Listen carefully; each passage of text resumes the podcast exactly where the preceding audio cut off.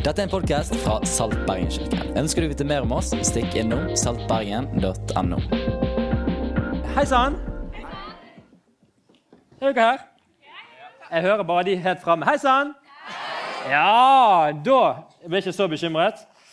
Veldig, veldig bra. Før jeg begynner, så skal jeg sette på stoppeklokken. Og Det er egentlig mest fordi at eh, dere skal få litt søvn i natt. Eh, så vi kommer oss i, i havn sånn. Skål, forresten.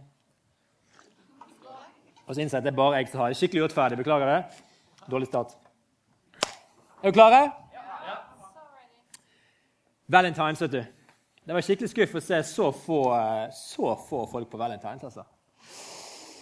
På kort. Men det kan hende at jeg er jo en gammel mann. så jeg, du vet, I gamle dager, når vi hadde brevduer, da, eh, da skrev vi sånne brev.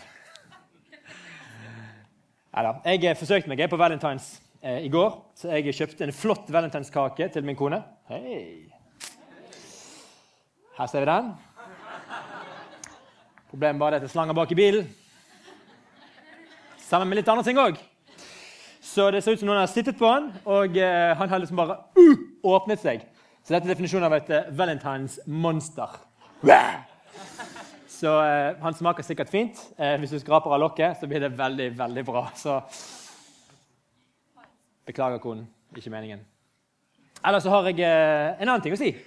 Og det er at det er ikke bare valentines. Nei, nei, nei. Det er òg morsdag. Hei! Og kanskje du sitter her inne og du tenkte i det du hørte morsdag, så bare kjente sånn Jeg har glemt å sende melding. Da har jeg et ord til Herren fra deg. Send melding. Ok? Skriv ned, sånn som Henrik i sted. Ta fram telefonen akkurat nå, så bare skriver du 'Husk mamma før klokken 24'. ok? Da blir de veldig glade. Jeg personlig jeg har uh, sendt min kone til å ta seg av min mor. Her er jo jeg. Så, sånn er det når vi kan dele på det. ikke sant? Kanskje du bare tar deg av hun der nå, så skal jeg. Bra. Du, flott å se dere. Jeg har vært på gudstjeneste. Dette er den fjerde gudstjenesten i dag. Så jeg er en sånn gudstjeneste-junkie. Bare Gi meg mer Ja, sant? Mer gudstjeneste. Den første det var Salt Nordland. Og sjekk. Altså, Vi, vi i høst. Da var vi, da var vi, var vi fem, bikket 50, så da var vi klar for å starte i Salt Nordland som forsamling. Og når jeg blir presentert, så føler jeg at jeg er en sånn misjonær fra langt i nord. Han kommer fra Nordhordland! Så jeg har med meg lysbildemaskin. skal vise Nei. Eh, her har vi gudstjenesten i, i Nordland, vet du. sant? Hei! Kan godt gi applaus for det her, altså. Det er Salt Nordland. Folk kommer til hver eneste uke. Kjempespennende. God stemning. Ja, det er alle kirkene i Nordland. Det er det, sammen med oss. Så det er ikke bare vi, det er faktisk alle kirkene i Nordland sammenlagt. Men det var utrolig gøy å være sammen i Knarvik kirke og feire gudstjeneste sammen. Det var en fest. Så da hadde vi altså da eh, han godeste Anton her foran, som smiler sånn litt over snittet. Han er da pinsepastor, som du kan se. Han fikk hjelp av en tryllekunstner til å gjøre greiene, og det ble helt innertier. Du, Vi er i en serie folkens, for tiden som heter 'Nytt menneske'.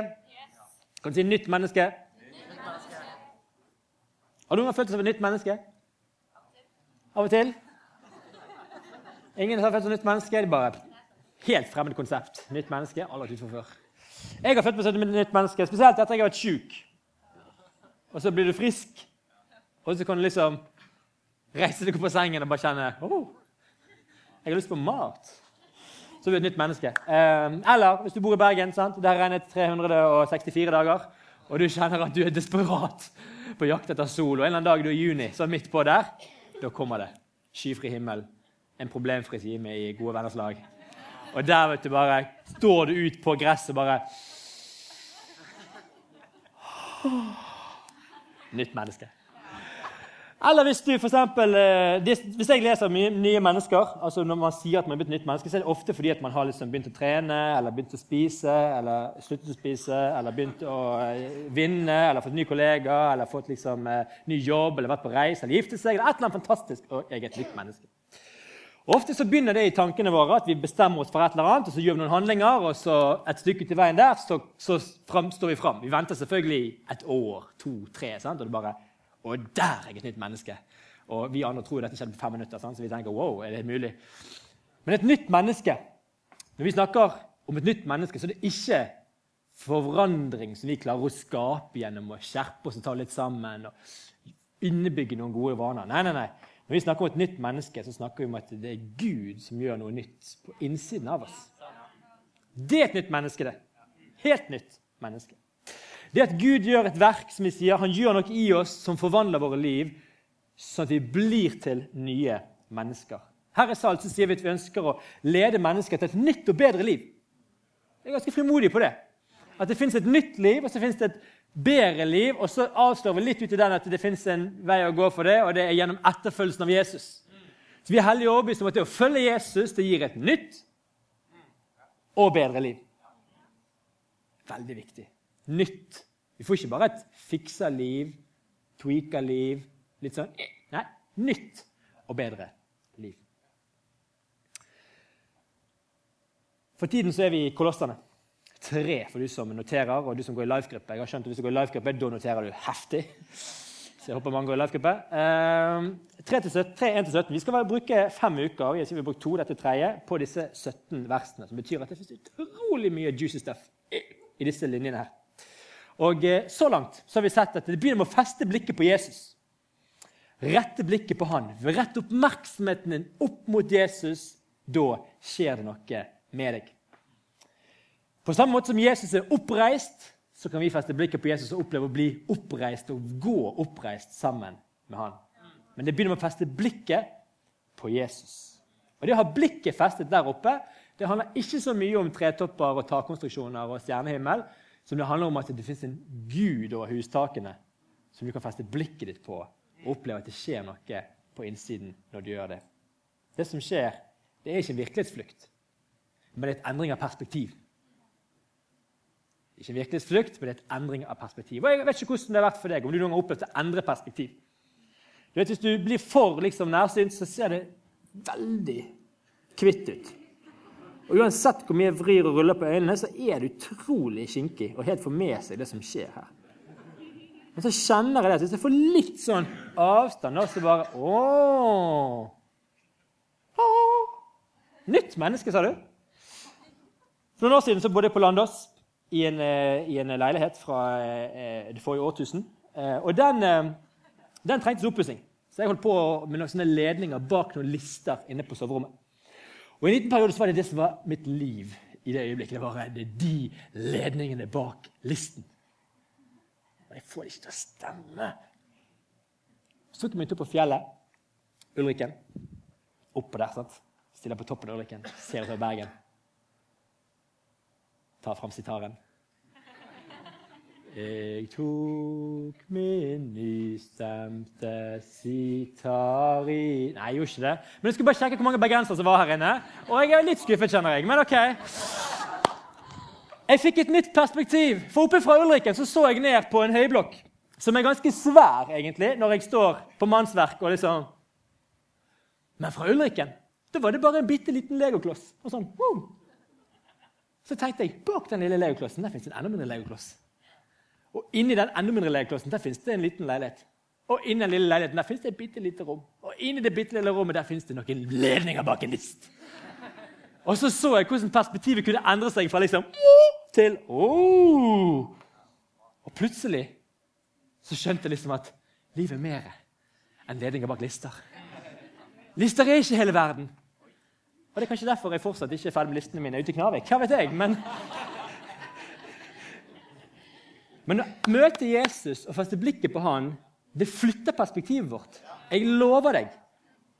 Om du er her inne og du ikke har opplevd det før, og ser Jesus som den han er, så kan jeg love deg at det å feste blikket på han, det forandrer alt. For da får vi se alt det andre i lys av det. Og Paulus han skriver om dette i eh, Kolosserbrevet 3. Vi har sett litt på det forrige uke, eller Øystein så på det forrige uke, og vi er tilbake denne uken. her, og så sa han dette med å legge av noe. Noe som henger fast ved. Legge av deg. Kan jeg se? Eh, sinne og hissighet og ondskap og spott og rått snak. Og ikke lyv for hverandre, for dere har kledd av dere det gamle mennesket og dets gjerninger og iført dere det nye, som er fornyet etter sin skapers, altså Gud, sitt bilde. Og når Paulus skrev dette, så skrev han til en kultur som hadde litt mer sånn kollektiv tanke rundt det å være menneske. Altså, De levde i familier, fellesskap. Men familie var ikke bare fire, det var liksom en skokk. ikke sant? Så de hadde mer fellesskapstanke. Og så leser vi dette i et hyperindividualistisk, hyperselvsentrert, hyper jeg ser min egen navlelo hver eneste dag samfunn. Og så blir den kampen ikke i kollektiv av oss som er på et oppdrag for å gjøre noe, men det blir det som skjer på innsiden her inne. Og så slites det, og så rives det inni her. Så sitter det en eller annen demon på ene skulderen eller en engel på andre skulderen og bare 'Kjære Jesus!' Og så er det stoppet til bare å handle om meg og den kampen som er på innsiden av meg. Når det gamle livet kommer og sniker seg innpå etter at vi først har sagt ja til han. Og Vi skal snakke sant om det, og jeg kommer til det om litt. Men Paulus sier det glitrende i et annet av brevene sine. I Romerbrevet kapittel 6, vers 4, så sier han at vi er begravet med han, altså Jesus, når vi ble døpt med denne dåpen til døden. Og som Kristus ble reist opp fra de døde ved sin fars herlighet, skal også vi vandre i et Hva for noe?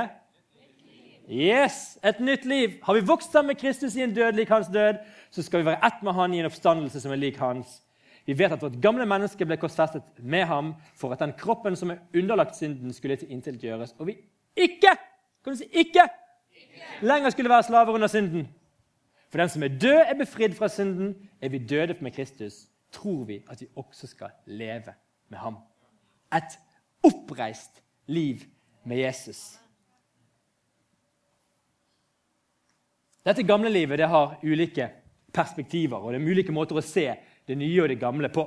Noen de tenker som, eh, som det første bildet her, at man, man, har fått et nytt liv, men det er himla svart rundt en.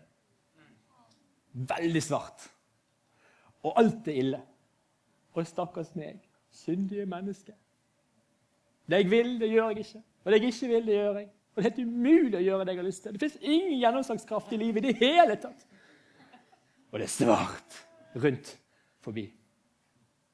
Fokuset ligger på synden og omgivelsene rundt.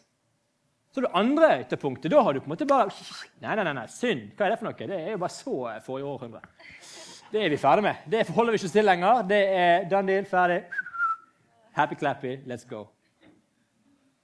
Og Så fins det et litt mer realistisk bilde som plasserer mennesket der i midten. At ja da, vi lever med rettferdig på ene siden, og så er vi litt synder, og så står vi der i denne kampen som pågår mellom det nye og det gamle. Og vi er litt sånn i gråsone midt imellom. Og Det som jeg håper og som er min bønn og et ønske i løpet av denne serien, her, det er at vi, kan, vi skal få se et, enda et scenario som handler om at det går an til å strekke seg imot det nye livet. Det går an å strekke seg imot det nye livet som Jesus tilbyr hver enkelt som tar imot troen på han. Hver enkelt som søker han og retter fokus på han, skal få oppleve det at det kommer et nytt liv her inne.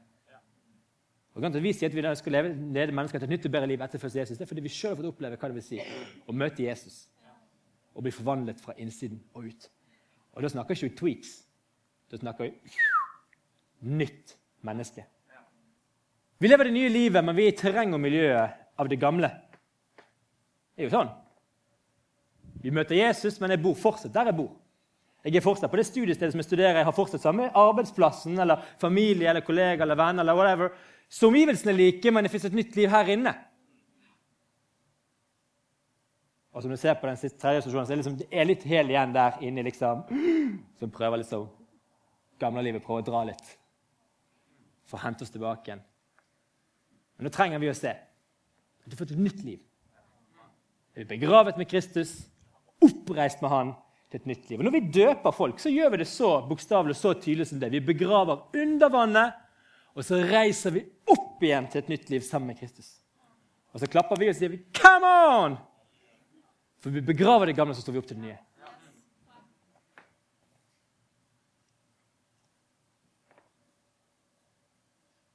Hvis vi mister på dette, så tror jeg at man ender med å bare se en fight som jeg skal fikse på innsiden av mitt litt miserabel indre.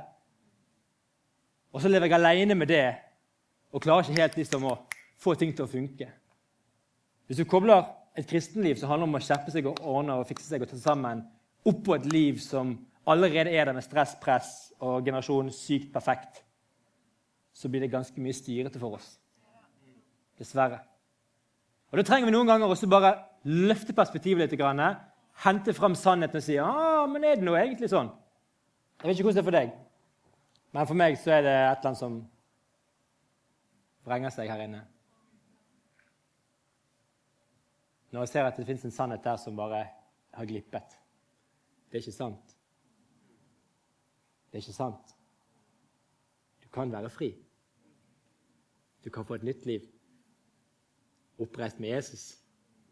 Du kan legge av deg presset. Du kan legge av deg stresset.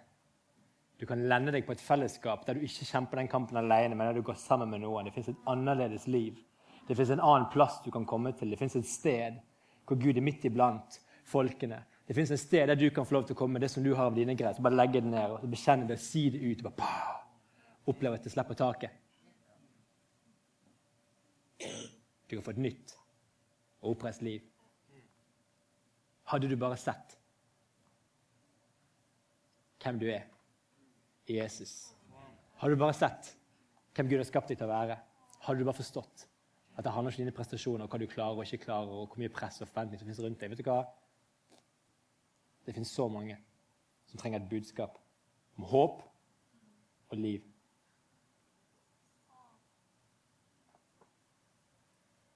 Sannheten setter oss fri, folkens.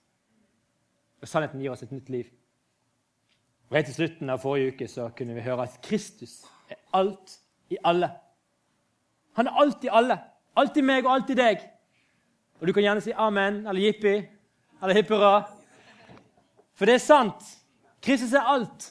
Vi kan løfte blikket og leve oppreiste liv fordi vi kan bli formet mer lik den Jesus som vi får lov til å møte.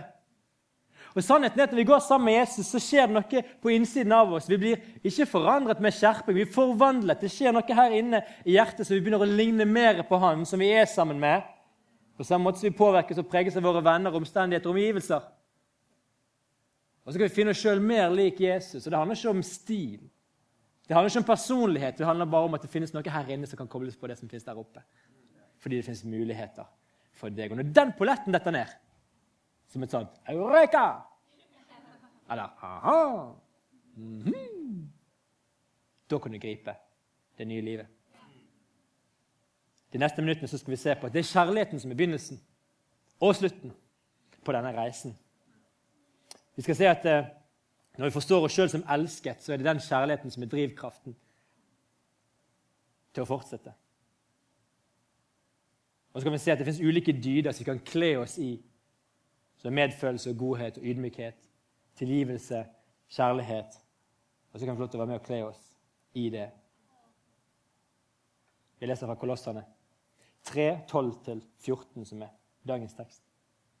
Dere er Guds utvalgte, helliget og elsket av Han.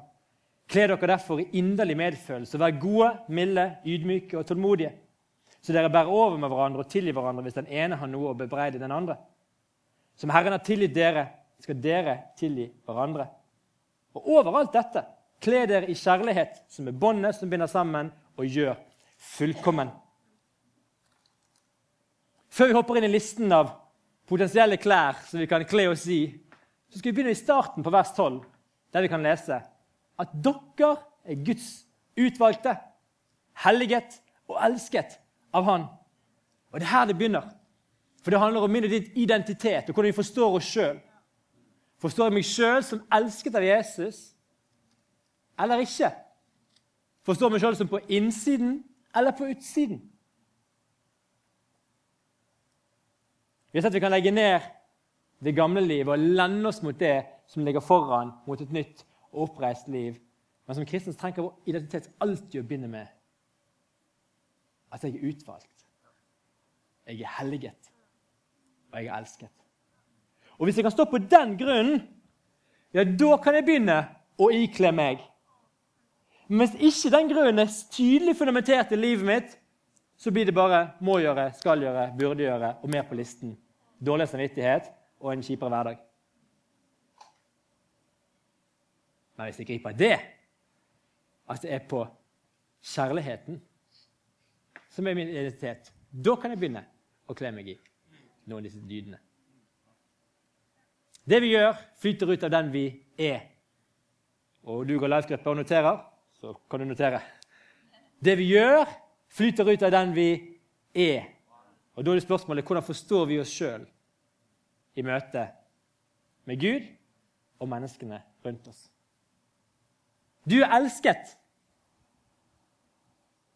Kan du si det? Jeg er elsket. Og alle bak òg. Jeg er elsket. Du er elsket! Tenk det! Du er elsket! Og Hvis det er én ting vi mennesker trenger bekreftelse på, så er det nettopp dette. Jeg er elsket. Ikke for det jeg gjør, ikke for det jeg får til, ikke for det jeg klarer, men fordi Gud er god. Og Hvis du tenker over det i ditt liv, så du kan komme på én eller to personer som elsker deg. Jeg vet ikke hvem det er, men det vet du. Jeg vet det for min egen del. Så tenker jeg, Hva vil det si for meg at jeg er elsket av noen? Hva betyr det for min trygghet i møte med den? Hva vil det si at jeg er elsket? Og Det er ikke sikkert det var du som elsket først. Mest sannsynlig ble du elsket først, og så ga du respons på et eller annet tidspunkt. For det er en naturlig reaksjon og respons i oss at når vi blir elsket av noen, så elsker vi tilbake, og så oppstår det en relasjon og et forhold i kjærlighet. Akkurat sånn er det med Gud òg. Han har elsket oss først. Og så har han invitert seg. Du kan få lov til å elske tilbake. Men om ikke, kommer jeg fortsatt til å elske deg. En ubetinget kjærlighet. Vi kan aldri sammenligne menneskelig kjærlighet med Guds kjærlighet, for det er et helt eget nivå.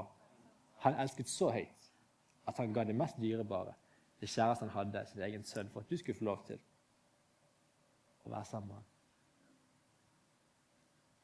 Og Så sender jeg invitasjonen ut til hele verden igjen. Du, har du lyst til å gi respons på den kjærligheten?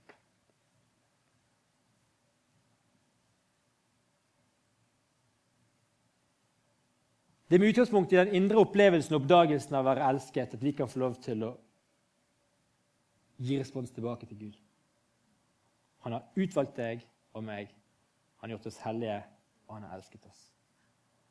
La oss se på i hvert fall tre ting vi kan kle oss med som nye mennesker. Nummer én kle dere i inderlig medfølelse. Godhet, ydmykhet og tålmodighet. Medfølelse i den sammenhengen er mer enn å synes synd på eller føle for noen. og Du har ikke sagt det sjøl, eller kanskje du har hørt noen si til deg at 'jeg føler med deg', eller 'det var dumt', eller følge med deg. Men denne medfølelsen handler om å føle med i så sterk grad at man ikke kan la være å hjelpe til. Et eksempel på det er mor Teresa i India, som går rundt i Calcutta og hjelper gatebarn. Og så intervjuet av en britisk journalist som spør liksom, jeg legger merke til at når du går rundt, og den gjengen som er med deg, så er det med et smil om munnen og en glede og en begeistring. Hva er greien? Det er jo elendighet og død dere møter hele tiden. Det er fattigdom og kriser, men dere står med begeistring og smil.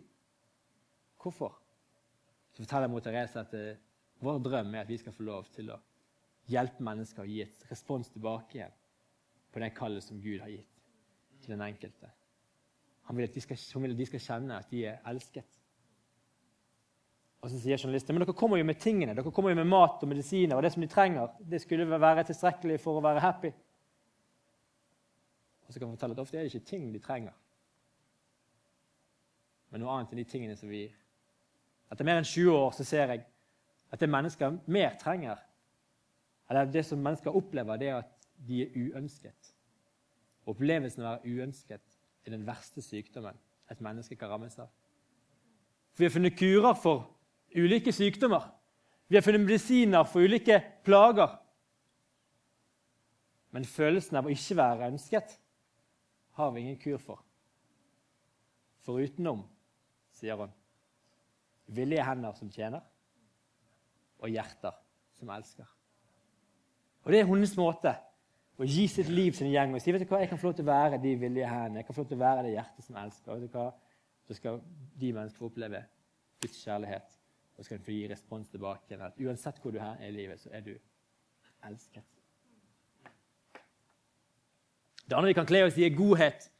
En fantastisk fortelling er fra Stavanger. Det er en mann som går på Rema og skal handle. Han trekker kortet og taster koden, og så får han feil. Kanskje har vært der sjøl og kjenner litt sånn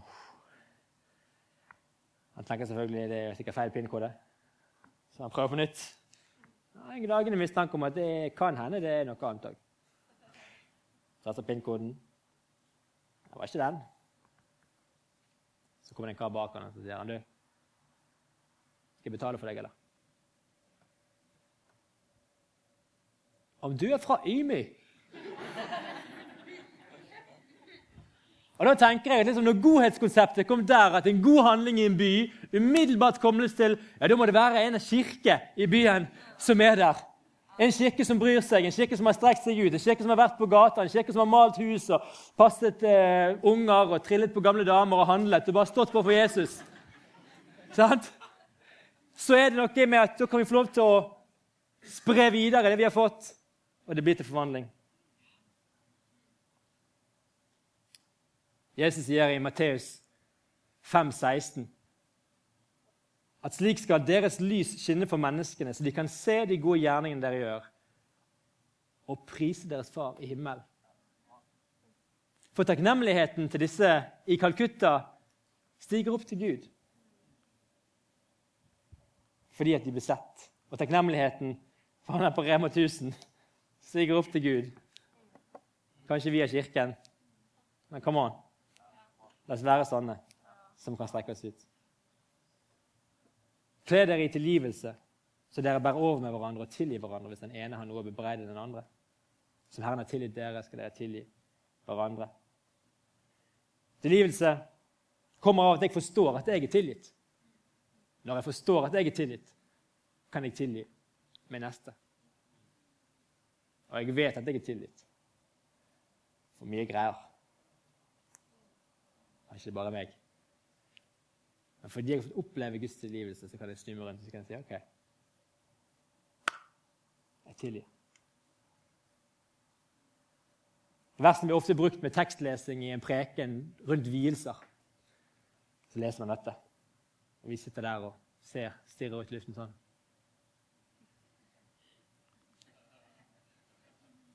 Og midt oppi det så kommer han av presten og bare lager lyden. Og så sier han at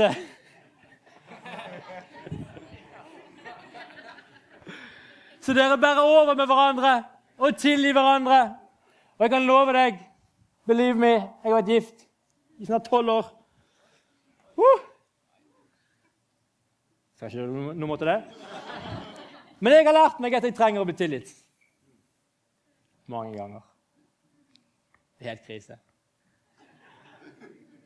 Det er helt krise. Det går fint. Men jo tettere vi kommer på hverandre, jo større behovet for tilgivelse. Ikke sånn? Jo tettere vi kommer på en annen, jo mer skjønner vi liksom, vi må bære over med. Du kjenner kanskje noen i ditt liv så du bare 'Gi meg styrke!'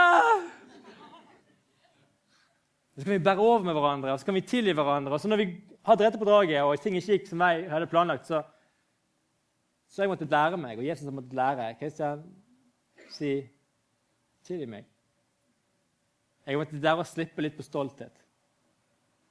Som agenser er det ganske mye greier vi må liksom Og så si 'tilgi meg'. Hvis vi gjør det, så kan vi løse situasjonen og så kan vi gå videre. Lar vi være å gjøre det, skaper vi bitterhet og konflikt. Så står det der og gnager. Men når vi forstår oss sjøl som tilgitt, så kan vi sjøl tilgi. Når vi ser på dynene som blir listet opp, så ser vi at alle sammen er sosiale i sin natur. Det handler om et fellesskap. Et liv sammen med andre. Det er kvaliteter som vi kan kjenne fra Gud sjøl, og det er frukt av Den hellige ånd, noe som Gud gjør i oss og gjennom oss. Ikke når vi skaper, men noe som blir gitt av oss når vi lender oss inn. Det er et verk som Gud gir når han sender oss til et fellesskap med andre. Derfor er vi skapt til fellesskap, ikke skapt til å stå alene og krangle med oss sjøl på en bergknaus. Vi er skapt for fellesskap. Men når vi først er i fellesskapet, ja, da er det sykt behov for typ overbærenhet. Skal jeg oppsummere, så kan vi si at kle dere i kjærligheten. For overalt dette, kle dere i kjærlighet som er båndet som binder sammen, og som gjør fullkomment. Alt springer ut fra kjærligheten.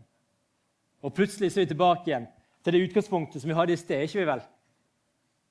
At vi må forstå oss sjøl som elsket, som helliget, som rettferdig for Gud.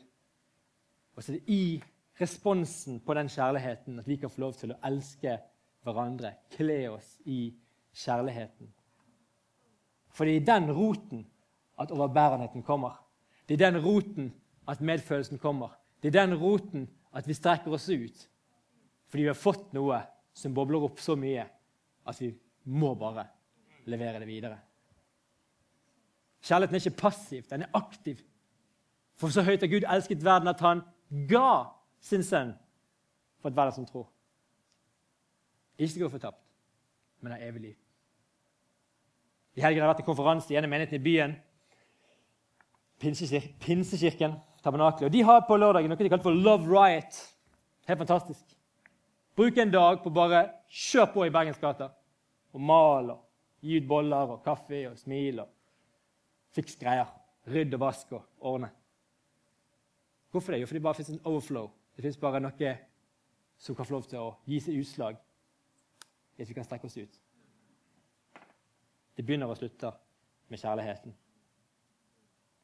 Jeg skal prøve å konkludere. Låsingstimen kan komme opp.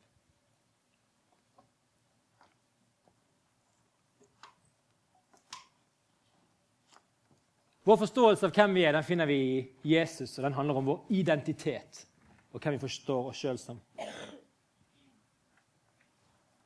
Det er ut ifra den forståelsen at vi er elsket, at vi kan kle oss i de andre dydene. For da gir det mening, for det kommer ut ifra overskuddet av kjærligheten ifra Gud. Det er drivkraften og det som holder oss sammen. Dette kjærlighetsstoffet. For det som vi gjør, flyter ut av den som vi er. Og hvem er vi? Jo, vi er helliget, vi er utvalgt, og vi er elsket av Gud. Så høyt er vi elsket at han har sett i hver og en. Han skal si, 'Kom, bli med på reisen. Bli med på etterfølgelsen. Bli med på det som jeg gjør.' Kan vi bare reise oss opp, alle sammen? Så har jeg en utfordring som vi gjør hver eneste uke i Salt. og Det er fordi at vi har gitt oss sjøl til bygge en bro mellom den, himmel, den Gud som finnes i himmelen, og helt vanlige mennesker som meg og deg. Der står vi som kirke hver eneste uke og sier vi, det fins håp for deg. Det fins kjærlighet for deg. Det fins nåde for deg. Spiller ingen rolle hvor du kommer fra. Spiller ingen rolle hvor du er på vei. Så lenge Jesus får lov til å være din destinasjon. Han som vi søker oss i. Det er han vi vil følge. Mitt liv ble forvandlet i møte med han. Og jeg ønsker at andre mennesker skal få lov til å oppleve akkurat det samme. At Jesus, Gud sjøl, flytter på innsiden.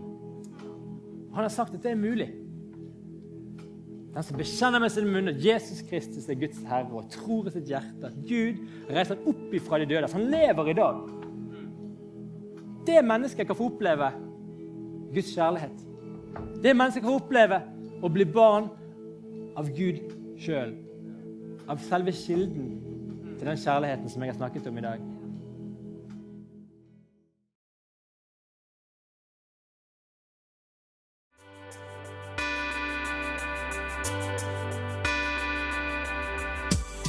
Takk for at du har lyttet til podkast fra Saltbergenkirken. Vår visjon er å lede mennesker til et nytt og bedre liv gjennom etterfølgelsen av Jesus. Følg gjerne med på hvordan vi realiserer dette, og hvordan du kan delta ved å besøke saltbergen.no.